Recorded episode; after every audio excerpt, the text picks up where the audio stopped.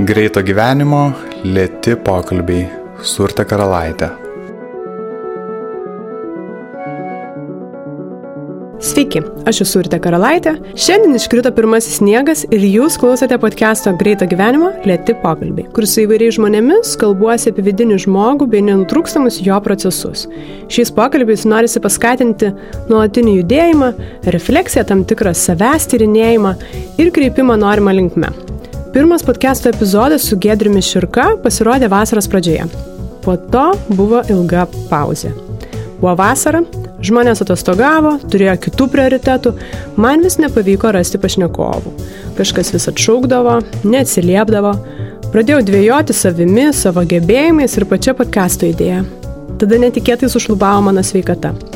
Operacija, lašelinės, ligoninės, rehabilitacijos lengva nebuvo, bet visą tą laiką galvojau, kaip atsistosiu ant kojų ir tęsiu podcastą. Lengva nėra, bet čia būtent apie tai ir noriu kalbėti apie tai, kas nėra lengva.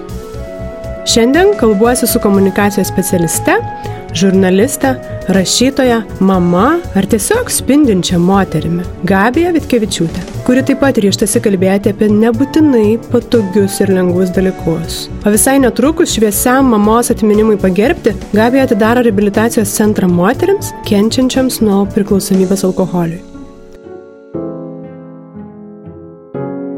Labas rytas, Gabija. Labas rytas. Pirmas sniegas. Ar jisai jums šiandien atrodo romantiškai, ar visgi arčiau realybės ta pliurzė pilkuma ir kaip jūs tą aplinką vat, įsileidžiat ir leidžiat jai jums įtaką daryti? Aš kažkaip tikrai nustebau atsistojus prie lango šį rytą ir labai apsidžiaugiau, kad neturiu vertinimo, nes net nežinojau, kaip tai vardyti. Ar tai čia pliurzė, ar tai čia laimė, ar tai čia vat, vaikų žiemos atostogos ar rudens atostogos. Kažkaip niekaip nevertinau, stovėjau ir žiūrėjau ir buvo taip gražu. Mes nesame pažįstamos. Aš parašiau tiesiog elektroninį laišką. Berots jau kitą dieną gavau atsakymą. O, taip vėlai. Na, bet man pasirodė čia visai neblogai. Po beveik savaitės mes jau susitinkame. Jūs labai kažkaip nori ir lengvai mane ir prisileidot ir įsileidot ir man įdomu, vat, iš ko kyla toks noras, atvirumas, ar, na, šio laikiniam individualistų pasaulyje galbūt tai gana reta. Aš urte esu greita, tai pirma. Man gyvenimas yra greitas, man labai įdomus, man jame tiek daug visko ir man norisi kažkaip tą viską apkabinti apkabinti. Iš kitos pusės aš esu labai kritiška. Aš patikrinu informaciją, esu iš profesijos žurnalistė, esu to išmokyta. Tai aš paskaičiau tavo puslapį, aš paskaičiau tavo poeziją, man labai labai labai patiko. Aš pradėjau klausytis buvusių įrašų ir panašiai. Ir aš sakiau taip, žinoma, kad taip. Kitaip tariant, noriu to pasakyti, kad nesu iš tų, kur bėga vos tik tai pašaukta, nes esu atsakius ir ne vieną interviu ir man nebūtinai, kad netiko tie klausimai, čia kaip ir apie sniegą, ar ne, aš stengiuosi nevertinti, bet tiesiog jie tuo metu nėra mano. Nežinau, nepavyks, tai sakysim, nurašysim į nuostolius abi. tai kaip ten bebūtų tikrai labai, labai dėkui, kad, ir, ir aš taip pat pasisekė.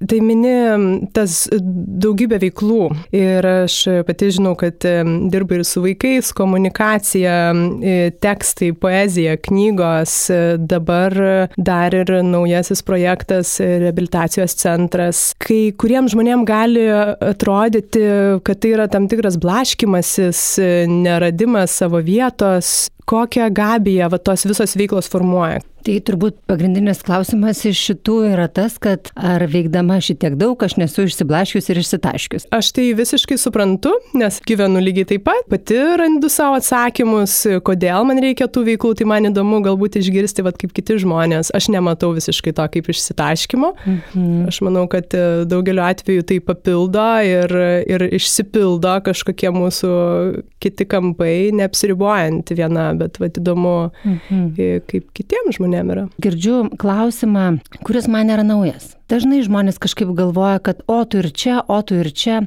Vieni žavisi tokio tipo žmonėmis, kaip kad mums su jumis ištiko. Ir sako, wow, kiek daug čia veiklos, kiek koks dalis ir platus pasaulis, koks tikrai įvairias palvis tas spektras yra. Kitus erzina, nes sako, palauk, čia viskas taip plokščia, toks paviršius, tokie purslai, kada įsimi gilį ir panašiai. Nežinau, aš netapau chirurgė, kada reikėtų tikrai 10 metų studijuoti ir dar po to 10 metų praktikuotis, kad pirmą operaciją atliktum. Aš netapau teisininkė, kada irgi tu turi būti vienos ryties lazerio spindulio tikslumu veikiantis veikėjas. Bet aš tapau tokiu oho, galiu pasakyti. Man artima renesanso žmogaus samprata, kada jis yra labai įvairialypis ir jisai domisi labai daug kuo ir bando daug dalykų daryti. Vėlgi, sporte lygiai taip pat gali bėgti maratoną, bet gali būti ir sprinteris, ar ne? Ir abi šakos yra olimpinės sporto šakos, abi vertintinos yra vienodai. Tai kažkaip, na, aš nežinau, man sunku pasakyti, žinau tik tai vieną, kad kai dabar jau truputį galiu atsigręžti ir sąmoningai suvokti tas savo visas veiklas, tai vienas žingsnis veda prie kito žingsnio ir viena viršūnė pasiekiama patyrus kitos bedugnę. O kokią vertę asmenybei galbūt vat, kūrė tos skirtingos veiklos? Aš nežinau apie vertę, aš nieko negaliu kalbėti. Aš galiu kalbėti apie tai, kad atsikeli ryte ir gyveni taip, kaip nori ir taip, kaip manai, esant prasmingiausia. Ne tik dėl savęs, bet dėl kito. Ir jeigu tas tavo gyvenimas padeda kitam žmogui kažkaip šituo metu šiandien, tai ir viskas, tai ir vertė. Naujos veiklos be abejonės atkeliauja kartu su iššūkiais ir galbūt baime. Ar yra dalykai, kurių jūs bijote? O jūs bijote ko nors urte? Aš labai bijau, labai daug ką bijau. Tikrai ko? Mhm. Aš bijau naujų veiklų. Mhm. Aš pusę metų ne tik dėl operacijos padariau pertrauką, nes klupau su šito podcastu ir, ir aš bijojau ir aš buvau ant ribos nebetesti. Aš žinau, kad aš bijau, aš atpažįstu savo baimę ir aš, nu, va, šį kartą man pavyksta panašu, kad grįžti, bet aš bijau. Gal galim tikslinti, pavyzdžiui, kas yra ta baimė? Ta prasme, bijau ko? Kad nepavyks, mhm. o nepavyks kas? Kad manęs nepamils, kad aš nepatiksiu? Nesėkmės galbūt. O kas yra nesėkmė? laimė? Mm, rezultatas ne, ne, netenkinantis galbūt, nors atrodytų, kuo labiau brestam, tuo išeitų labiau su tuo susidraugauti, kartais atrodo, kuo ilgesnis patyrimas ir gyvenimiškas, tuo reikalavimai savo aukščiau kyla, nes tu jau tarsi nebegali daryti kaip anksčiau ir jau turi dar geriau padaryti. Gal aš čia galiu pasidalinti, kaip aš juos tada, e, tuos naujus dalykus arba tas baimės kažkaip apkamšau pagalbėm, kad nebūtų tai baisu. Man padeda konkretizavimas. Kuo skiriasi baimė ir nerimas? Aš dievegink nesu nei psichologė, nei psichiatrė, nei psichoterapeutė, bet e, man padeda žinojimas, kad baimė ir nerimas skiriasi. Baimė yra tada, kai labai tiksliai žinai, bijai vilko, neiki mišką. Pavyzdžiui, aš iš tikrųjų bijau slidinėti, nes aš bijau nukristi, susilaužyti koją, man nepatinka procesai, kuriuo aš nevaldau, tai yra slidė savo aš savo. Nerimas yra, kada bijai taip atsikeli ir kažkaip neramu, kad kažkaip nežinai, kas bus, nežinai, kas buvo, nežinai, kas yra, toksai oras, debesis, toks rūkas. Dažnu atveju tai būna depresijų priežastys, kada žmogus negali pasakyti, tai kas tau galų gale yra? Nežinau, jisai sako, kažkas. Tai man padeda, pavyzdžiui, jeigu kalbam apie tą rehabilitacijos centrą, ar ne, ir vėlgi, aišku, kad sveikas žmogus bijo, taigi negali nert kažkaip ten taip visai jau, taigi nesam pagrandukai, ar ne, tokie apvalūs, kad nieko nebijau, kai bus, taip gerai.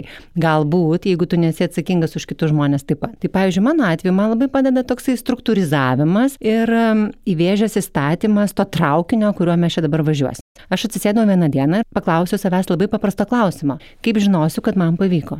Rezultatų kažkokia įsivertinimo skalė. Vienareikšmiškai, nes jeigu aš manysiu, kad, pavyzdžiui, mano įrašai, tarkim, kaip tavo urte, ar ne, arba mano pasirinkti svečiai, arba mano pokalbė, arba mano klausimai, kažkam patiks, kažkam nepatiks, mama sakys vieną, tėtis sakys kitą, ar ne draugai, lektoriai, dėstytojai, ekspertai, profesoriai, profesionalai, oi, čia mes nesuvaldysim. Bet jeigu aš pati paklausiu, kaip aš žinosiu, kad man pavyko, gali klausti nuo ryto apie dieną, gali klausti apie šitą sustikimą, kaip mūdvi abi vertinsim, ar mums pavyko. Gali klausti apie tokį darbą, kaip aš, pavyzdžiui, dabar darau ir aš pasirašiau savo vadinamą tikslą, kokį aš turiu su tuo savo naujojo rehabu. Ir tai yra 10 pasveikusių moterų per vienerius metus. Ir tada man labai aišku, kas yra mano sėkmė. Čia aš jau galiu išsiplėsti, sakyti, kad statistika priklausomybių lygų, su kuriamis mes dabar dirbsim, yra labai tokia žiauri, pasveiksta tik tai 3 iš 10. Kitaip tariant, jeigu 10 žmonių gydosi, tai 3 atšvenčia vos išėję pro duris, vėl grįžta prie senų įpročių, 3 dar kažkurį laiką palaukia, bet paskui suklumpa tampa, bet trys gyvena sveiką gyvenimą. Aš tada žinau, kiek man reikia tų moterų pas save priimti, koks maždaug procentas iš jų tikėtina pasveiks, ką reiškia žodis pasveiks, žinant mano specifiką veiklos, ten visus atkryčius, grįžimą į tą pačią aplinką, kas yra blogai, nedarbas su ko priklausomais asmenim, bet aš jau čia įsivažiuoju tokius profesinius dalykus. Tas klausimas, kuris buvo pradžioje ir tai ar aš bijau, galioja. Žinoma, kad tai nėra visiškai kaip automatu. Prabundi ryte, pažiūri pro langą, daraisi savo kavą, būdini vaikus, dedi už kandelės jiems prieš pečius. Prasme, to nieko nebijai, tai yra įprasta rutina. Nauji dalykai kelia šiokį tokį nežinojimą. Bet aš manau, mes turime išmokti įvaldyti. Truputį noriu prie tekstų prieiti. Mini, kad tekstais nesieki patikti. Bet juk taip gera yra patikti. Iš ko kyla, na, tam tikra stiprybė išdrysti ir nepatikti tekstais ar savimi. Man patinka šitas tritaškis - tikti, įtikti, patikti. Esu klausius tokius viešo kalbėjimo kursus, kur sakydavo, kad gera kalba turi tikti, įtikti, patikti. Patikti norim visi, todėl kad tokia yra evoliucija. Todėl kad jeigu aš nepatinku ir neįtinku ir netinku, tai jau yra depresija. Prasme, čia ir nėra ką vaidinti. Mes tikrai ir rengiamės, ir pasipuošiam, ir pasišypsom, nežinau, ir pakalbam, ir pašokam, ir padainuojam, norėdami patikti kitiems žmonėms. Tai logiška, tai normalu, man reikia. Bet kitas dalykas, kalbant apie kūrybą, nepradedi rašyti teksto arba kažko daryti su noru įtikti, patikti, tikti. Rašymas yra mano terapija. Tai yra vieta, kur aš niekam nesistengiu patikti niekada. Labai labai noriu viltis, kad tai atlieps ir man labai malonu kai žmonės sako, o čia apie mane, o ir aš panašiai jaučiuosi, o ir man tai buvo. Tada, aišku, mes jaučiam bendrystę, kas yra didelė laimė žmogaus gyvenime. Kūrėjo, kaip garsiai tai beskambėtų irgi, nes, nu, į stalčių rašyti, kasgi nori, niekas ar ne, mes norim pasidžiaugti, vaikas nupiešia paveikslą ir bėga per visą kambarį rodydamas, žiūrėk, mama, žiūrėk. Tai tos auditorijos poreikis yra. Žmonės man nerašo piktų žinučių. Nežinau, gal verta, gal neverta, bet nepasiekiu vadinamųjų profesionalių kritikų, akių ir ausų, dėl to manęs e, nesuspardė niekad šitoj plotmėj gulinčios. Man kažkaip rašo tik tie, kam patinka. Saikingai, ramiai, nedažnai, bet brūkšteli. Tai ko man daugiau? Kritika. Kaip e, priimi kritiką?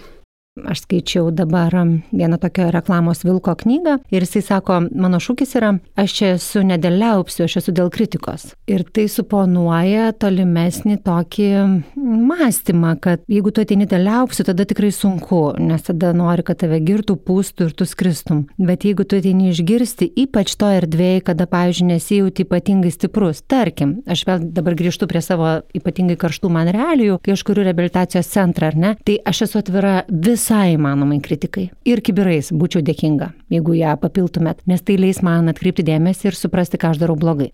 Jeigu kas nors norėtų kritikuoti mane kaip asmenį, kelių milijonai, kaip dainuoja mylimas Mamontovas, galit rinktis, bet čia jau tada nebe apie mane, kaip sako vaikai, kas ant kito sako, ant savęs pasisako. Tai čia kažkaip kalba jau tada to žmogaus, kuris kritikuoja, reaguoja. Patirtis, patyrimai, skausmai, suplyšų širdis, laiminga širdis ir visa kita. Bet jeigu kalbam apie emociją ir kritiką, tai aš esu dviem atvejais visiškai nevaldoma. Tai kaip puola mano vaikus ir kaip puola mano darbuotojus, tai yra mano komanda. Čia aš priimu visiškai asmeniškai, nes komandos atveju tai aš pati susirenku žmonės ir tada jau šiukštų nelyskit prie jų, aš pulsiu kaip vilkė ir lygiai taip pat apie vaikus. Jeigu juos neteisingai apkaltina, barą, kažkas drįsta juos žaidinėti arba dar ką, tai tada jau man nėra pasirinkimo nei žodžiuose, nei veiksmuose. Mes truputį prieš tai palėtėm vertinimo temą, tai man iš šito kažkaip kilo klausimas, kaip sugebėti neteisti, kai žmonės galbūt elgesi blogai arba žalingai. Siaurinkim urte. Kas tie žmonės, ką jie daro, kas mes tie teisėjai. Galbūt čia susiaurinčiau Jūsų pačios artimas žmogus, mama, turėjo priklausomybę alkoholiui, taip, taip žalodama ir, ir save, ir šeimą. Ar buvo momentai, kai teisėte ją ir vertinote jos poelgius? Kadangi e, mama mirė, kadangi jau praėjo septyni metai nuo jos mirties, ilgesys jai vis stiprėja. Aš galvoju, kad žmogaus smegenys yra taip padarytos, kad mes atsimnam tik gerus dalykus. Nu, iš tikrųjų, apie savo, pavyzdžiui, kokią nors nelaimingą meilę, arba ten kaip paauglystės, nežinau, susižavėjimus, galų gal ir ne paauglystės, nemenkinkim, ar net ten, kas baigėsi blogai. Per kurį laiką juk nieko nebeatsimeni, teisingai, atsimeni kaip gerą žmogų. Tai man ir su mama yra labai panašiai. Man labai daug dalykų pasimirš prašo, nes kitaip turbūt mes negalėtumėm gyventi, jeigu mes akcentuotumėm vien minorus. Dėl to man sunku pasakyti, ar aš esu ją smerkusi. Proto aš labai gerai suvokiu, kokia žala yra padaryta, kas mums atsitiko, kaip mes sužeidėm savo šeimas, kaip tai veikia mano būdą, charakterį, bet jokiais būdais aš nesmerkiu, nes čia ir yra turbūt mano pagrindinė idėja suvokti, kad priklausomybių lygos, alkoholizmas, narkomanija, lošimai, vaistai, dabar jau net ir kompiuteriai, tai yra nelaimė, kuri tave ištinka. Nors įvaizdis yra juk visai kitoks, ar ne, kad tai yra bevalių tokių žmonių, kaip tu gali, ašgi tavęs prašiau, tugi man žadėjai. Visa tai yra tokios stigmos, tai yra mitai, tai yra mūsų visų neišprusimas ir viskas. Tai dėl to, ar gali smerkti žmogų, ar gali smerkti, kad jisai susirgo vėžiu, pavyzdžiui. Juk ne arba diabetu, arba kosuliu. Taip ištiko tiesiog. Bet yra tam tikros lygos, kaip mano minėtos, yra tokios jos labiau emociškai sunkios, aš taip drįščiau sakyti. Tiesiogiai atsakant turtai klausimą, nevertini. Man patinka tokia mąstysena, kai mes galim klausti ne kodėl, o staiga klausti kaip. Ir tai viską keičia. Nebe kodėl man taip atsitiko, nebe kodėl mane paliko, mane sutiko, mane įvertino, kritikavo, mane apipylė liaupsiam, o kaip, kaip man dabar elgtis su ta situacija. Tas iškart suponuoja tokį nepasyvę aktyvę būseną, tai yra veikimą. Ką aš galiu padaryti dabar, šiandien, šią valandą, kad būtų kitaip, geriau. Galvoju, kad niekam dar laimės tas vertinimas net neši nei jokiam kontekste. Kokia pirminė emocija ateina neteko žmogaus būtent tokiomis aplinkybėmis? Tarsi pagrobtas žmogus, išplėštas iš tavo gyvenimo, taip pat ir tavo šeimos dabar suvesiu tokią paralelę su, tarkim, vėžių sergančiai žmonėm, ar ne? Ir aš esu klausiu savo labai artimos draugės, jos mama mirė maždaug 40, tai yra labai jauna, jai tom sik buvo apie 20, jinai sako, taip pat prieš mėnesį čia palaidojo mamą, bla bla bla bla bla bla, mes kažką ten šnekam, lapai krenta, vežimėlių stumdom, parke gražu. Aš sakau, kaip tu taip reaguoji, ar tu be širdė, kas čia vyksta? Aš čia taip aišku perdedu, bet jinai sako, žinai, kai serga vėžių tavo artimas žmogus, tu tą gedulą išgyveni daug kartų ir anksčiau negu kad tu jį klaidai. Tai kažkuria prasme ir čia tas netekimas yra toksai Tai nėra liūtis, tai nėra tsunamis, tai nėra uraganas, kuris taiga atėjo į tavo namus, tai nėra net gaisras, kai viskas užsidegė ir dingo. Tai yra toksai lengvas rusenimas, lašas palašo, tai yra tokie homeopatiniai, turėčiau sakyti vaistai, bet turiu sakyti nuodai, kurie pamažu tave padaro sustiprinto imuniteto. Ta netektis, jinai neištink, tu su ją gyveni. Tu matai, kaip šiandien kažko netekai, šią valandą tau jos reikėjo, nebuvo. Kažkaip gal tokie va yra mano pagalvojimai. O kada tas klausimas, kodėl pavirto kaip? Aš įsivaizduoju, kad dabartinis projektas Ramonėlė Rehab virto turbūt tuo klausimu kaip. Taip ir yra, kai mama sirgo ir kai mes gyvenom su ją, tai daug kartų buvo padaryta labai daug žingsnių jos veikimo link. Tai ir ligoninės, ir vaistai, ir prašymai, ir maldavimai, visa tai yra dalis. Labai didelis sukretimas buvo iš tikrųjų, kai jinai mirė. Ir aš jau nebeklausiau, kodėl. Nes man buvo aišku kaip diena. Čia nėra ką klausti. Jeigu tu valgai daug piragėlių, tu būsi storas. Faktas. Jeigu tu rūkai, tavo oda bus pilka ir žalia ir tavo balsas bus nusėdęs, tavo pirštai bus geltoni. Jeigu tu geri, tu vieną dieną, jeigu tu nesigydai, tu mirsi. Kito kelio nėra, nėra ir viskas. Bet tada aš iš tikrųjų paklausiau, kaip. Ir aš jau tada tikrai galvojau, ką čia daryti. Ir mano šitas bandymas nėra pirmas. Ir dabar kažkaip labai jau konkrečiai viskas materializavosi, kai aš paskutinius metus dirbau socialinės apsaugos ir darbo ministerijoje, aš buvau ministro patarėja ir ką aš dariau ten beveik dviejus metus, stengiausi formuoti mano atstovaujamą lyderį kaip e, teigiamą politiką, ar ne? Kitaip tariant, rašiau apie kitų gerus darbus ir viską dariau iliustruoti tam, ką kiti daro gerai. Ir po ilgesnės pauzės, va dabar, vėlgi pastumėta mano autoritetingų žmonių, supratau, kad tikrai metas baigti rašyti apie kitų gerus darbus. Galima juos pradėti daryti. Tai va tas kaip ir virto kūnu ir pamažu su tom mūsų jau apšnekėtom baimėm ir džiaugsmais keliauju į priekį. Likti vienam interviu e, mini, kad nežinojot nei, nei priežastį minčių galbūt, kurios e, mamą paskatino, pastumėjo, čia skatinti, tai. nelabai yra ką, mhm. į, į tokį liūną įgriūti. Prieš tai kalbėjom apie žinojimą ir, ir to naudą. Kas pasikeistų, jeigu staiga sužinotum, ar tas žinojimas dabar kažką palengvintų, pakeistų? Vienareikšmiškai. Aš ir dabar savo ramonėlę rehab sakau, vadinkime tai šūkiu, arba kitaip tariant, tokiu pamatu mano šito namo ir jo gydimo. Aš neklausiu, kodėl tu geri, aš klausiu, kokį skausmą nori gerdama nuplauti. Vėlgi čia yra etapai. Tu negali dar vakar gerusios moters taiga pradėti klausinėti, kas tau yra, kas tau buvo, kur tu buvai prieš 10 metų, 20 ir kas tau nutiko. Šitam gydymo etape reikalinga detoksikacija, reikalingos lašelinės, reikalingas išvalymas, visiškai tas fizinis toksai sutvarkymas žmogaus. Tai dėl to nenorėčiau čia supainioti definicijų ir pasakyti, kad esą, žinai, tik klausiant, papasakok man apie savo traumas, tu gali pagydyti nuo priklausomybę. Kodėl taip atsitinka, jeigu jau kalbam dalykiškai apie tą alkoholizmą arba priklausomybę, bet kokią kitą, tai yra trys dalykai. Pirma, tai yra, ir tai nėra eiliškumas, tai tvarka kaip turėtų būti, bet iš principo tokia vagelė su trim žiedlapiais. Pirmas, tai yra genas, kurį kiekvienas mes arba turim arba ne. Teigia statistika, kad dešimtadalis pasaulio žmonių, tai yra 10 procentų visos žmonijos, turi priklausomybės geną. Kam jis yra aktyvus? Ar alkoholiu, ar narkotikam, ar vaistam, ar kitam žmogui, ar seksui, ar lošimam tėvams ar kažkam, gali priklausyti nuo meilės, gali priklausyti nuo liūdėsio, gali priklausyti nuo, būti priklausomas nuo kavos. Tik čia tokia jau maža detalė, kad niekam nekenksi, gerdamas daug kavos, išskyrus gal savo. Kitas dalykas tai yra aplinka. Tikėtina, kad gyvenant blogoje aplinkoje, kur tu matai, kaip tai vyksta, pats daug greičiau nuredėsi nuo šito kalno. Ir trečias dalykas, labą dieną, pamiršau. Ai, prisiminiau, stresai arba traumas. Kažkoks labai siubingai tave sukrėtęs įvykis gali tave pastumėti, bandyti ieškoti būdų, kaip papulti tą vadinamą nejautrą, kaip užsimiršti, nebenorėti matyti realybės, kokia jinai yra, nes nebeturi jėgų tiesiog jas įveikti šitame etape. Mes dažnu atveju sakom, kaip tau negėda ir kaip tu drįsti ir tu turi ir mažų vaikų, ir didelių vaikų, ir anūkų, ir nežinau, ir vyrai, ir moterį, ir darbą, ir nežinau, ir kelionės, ir ko tau dar trūksta. Bet čia ne apie tai. Viename pokalbėje prasitari, kad na, šios priklausomybės problemos šeimoje tam tikrą šleifą jauti ir dabar.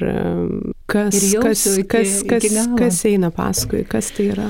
Labai gera yra knyga, daug yra gerų knygų faktas, tikrai visom kalbom ir pasaulis jau kalba apie tai ir ačiū Dievui. Lietuviškai išleista knyga Vagos leidyklos yra Susan Forward, psichoterapeutės kūrinys, vadinasi Toksiški tėvai. Aš kreipiausi į Susan Forward, jai yra dabar apie 80 metų, kviečiau atvažiuoti į Lietuvą, sakė, nu žinot, mėla ponė, jau gal kitą kartą. Kuo noriu pasidžiaugti, kad jinai sakė, naudokite mano knygas, vartykite jas kaip reikia, karpykite puslapį po puslapį, darykite seminarus, švieskite žmonės kam aš viskam esu pasiruošus, kad tik jie sužinotų, kaip tai veikia kaip tai mus iš tikrųjų paveikia ir praktiškai negryžtamai. Aišku, mes galim suvokti, kas su mumis vyksta, bet tie paternai, kuriuos vaikystėje mes jau savo į odą ir į kraują įsiliejam, jie galioja, jie galioja. Jeigu taip konkrečiai, tai aš nežinau, ar tai yra ten daug labai visokių variantų. Va, jeigu jau kalbėjom, pavyzdžiui, kad ir apie tavo baimės, nori padaryti viską taip gerai, taip tobulai, taip teisingai, ar ne, ten tarkim, jeigu būtum alkoholiko vaikas, tai sunkiai sektųsi labai, nes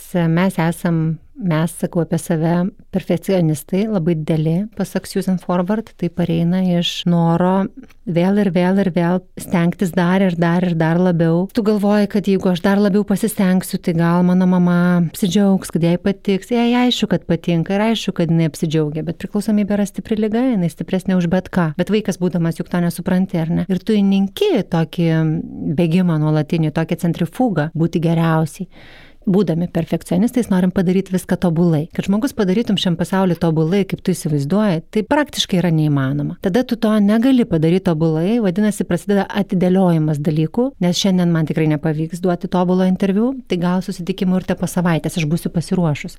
Gal pas... niekada?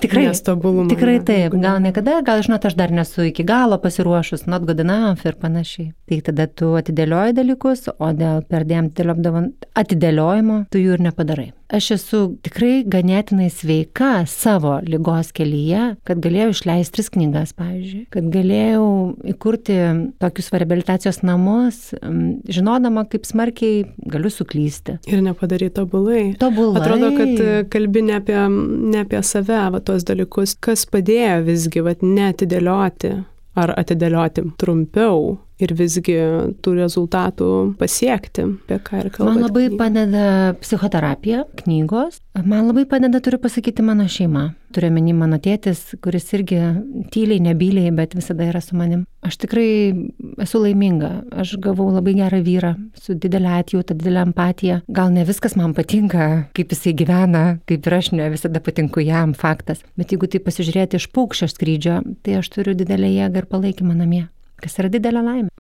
Tai žmonės, kaip kad ir tu ir te sakai savo įžangoje, savo podcastų pasaulyje, jeigu kas mus ir keičia, tai žmonės. Ir jeigu mus kas ir augina, tai jie. Ir kaip aš mėgstu sakyti, kad jeigu kas nors tikrai lemia mūsų gyvenimą, tai susitikimai. Nu tikrai nenaujas diržas, nenauji batai ir nenaujas rankinukas dar mini knygas ir man įdomu, vat, čia ar, ar vėlgi tas žinojimas ir supratimas tų paternų ir, ir tos problemos ir lygos veda kažkaip tokios laisvės link. Gyjimo link. Mhm. Aš esu tikra, kad mes turim žinoti, kaip veikia pasaulis, kiekvieno iš mūsų ir bendrai, kad galėtumėm jame lengviau kvepuoti. Ir tam yra įrankiai. Ir aš dėl to ir kviečiu tiek sergančius priklausomybę žmonės, bet dešimt kartų labiau jų artimuosius. Domėtis, susižinoti, kas vyksta su jūsų artimu žmogum. Nebesmerkti galų gale, nebeteisti, nebevertinti, nebeklausti kodėl, o klausti kaip ir patiems gydytis. Ko tave mama išmokė? Mano mama negėrė beveik 17 metų ir dar man teko labai labai didelę laimę, kad tai atsitiko man ne vaikystėje, bet iš tikrųjų sąmoningam periode visiškai, tai yra nuo mano abitūros iki atitinkamai, nežinau, darbų, brandos. Vadinasi, aš turėjau progos pažinti nuostabią moterį, kada tiesiog maudžiusi jos tokio jūroje, taip skamba plikai, negaliu net, bet iš tikrųjų meilės, supratimo, atjautos, jinai labai buvo charizmatiška moteris, mes labai daug juokdavomės, mes kvatodavom jos humoro jausmas buvo tobulas, su ja buvo nuostabu keliauti. Taip smarkiai moka tokį pliūpsnį meilės duoti ta moteris, kuri yra mano mama, kad aš po to dar ilgai važiuojant jos bėgiu. Kad ir kaip tragiškai dabar tai skambėtų, ar ne tokia liūdna tema, tas alkoholizmas, ta priklausomybė, ta mama, kuri papuolė į tą nelaimę. Bet šiaip gyvenimas yra labai gražus ir aš galvoju, kad jos va tai pusta stiprybė ir tas gyvenimo žavesys, grožis, tos kiekvienos dienos džiaugsmas, kai jinai numokėdavo iš smulkmenų padaryti didelę šventę, tai veža ne tik žargoną prasme. Labai daug minčių kažkaip atrodo kyla iš viso šito mūsų pokalbio. Tai tikrai labai labai ačiū kažkaip plačiai ir, ir to pačiu giliai ir, ir labai jautriai. Aš labai labai dėkoju, klausimai labai jautrus. Labai esu tikra, kad tavo gylis atvers labai daug durų. Tiksliau, kaip čia reikia sakyti, audio kanalų. ir mes klausysim ir džiaugsimės. Aš labai džiaugiuosi, kad mums abiem pavyko ir šiuo, ir kitais atvejais netidėlioti. tikrai, tikrai. Ir, ir tai veikti. Pokalbis man tikrai nebuvo lengvas, ypatingai po tokios ilgos pertraukos, bet be galo džiaugiuosi, kad išdrįsau tai padaryti. Gabija buvo puikiai pašnekovė. Mūsų ego, norėdamas apsaugoti mus nuo bet kokio nepatogaus ir nemalonaus jausmo, skatina mus bėgti. Bet man atrodo, kad šitie momentai ir yra svarbiausia. Sugebėti nebėgti nuo to, nuo ko labiausiai norisi bėgti. Nes tas išsipančiojimo jausmas, apie kurį su Gabija šiek tiek kalbėjome ir kuris ateina stojus akistaton su baimėmis, traumomis, yra be galo stiprus ir laisvinantis. Todėl šiandien linkiu visiems ir savo pačiai, kurie yra bent kartą pajutę tą kaustantį baimės jausmą, nebijoti bijoti, nebėgti, nesislėpti, neužšaldyti tos baimės, o padėti jai tirpti. Ačiū tiems, kurie išklausėte šitą jautraus pokalbį iki galo. Tikiuosi kažką išgirdote ir kažkas liks su jumis. Pasidalinkite su tais, kuriems ši tema galbūt bus aktuali. Nepraleiskite naujų epizodų, sekdami podcastą Instagram ir Facebook paskiruose. O jo klausyti galite iTunes, Spotify visose podcastų klausimosi programėlėse bei karalaitė.com pasvirasis brūkšnys podcastas. Stengsiuosi, kad pauzė daugiau nebebūtų. Nebijokit ir iki kito drąsesnio karto.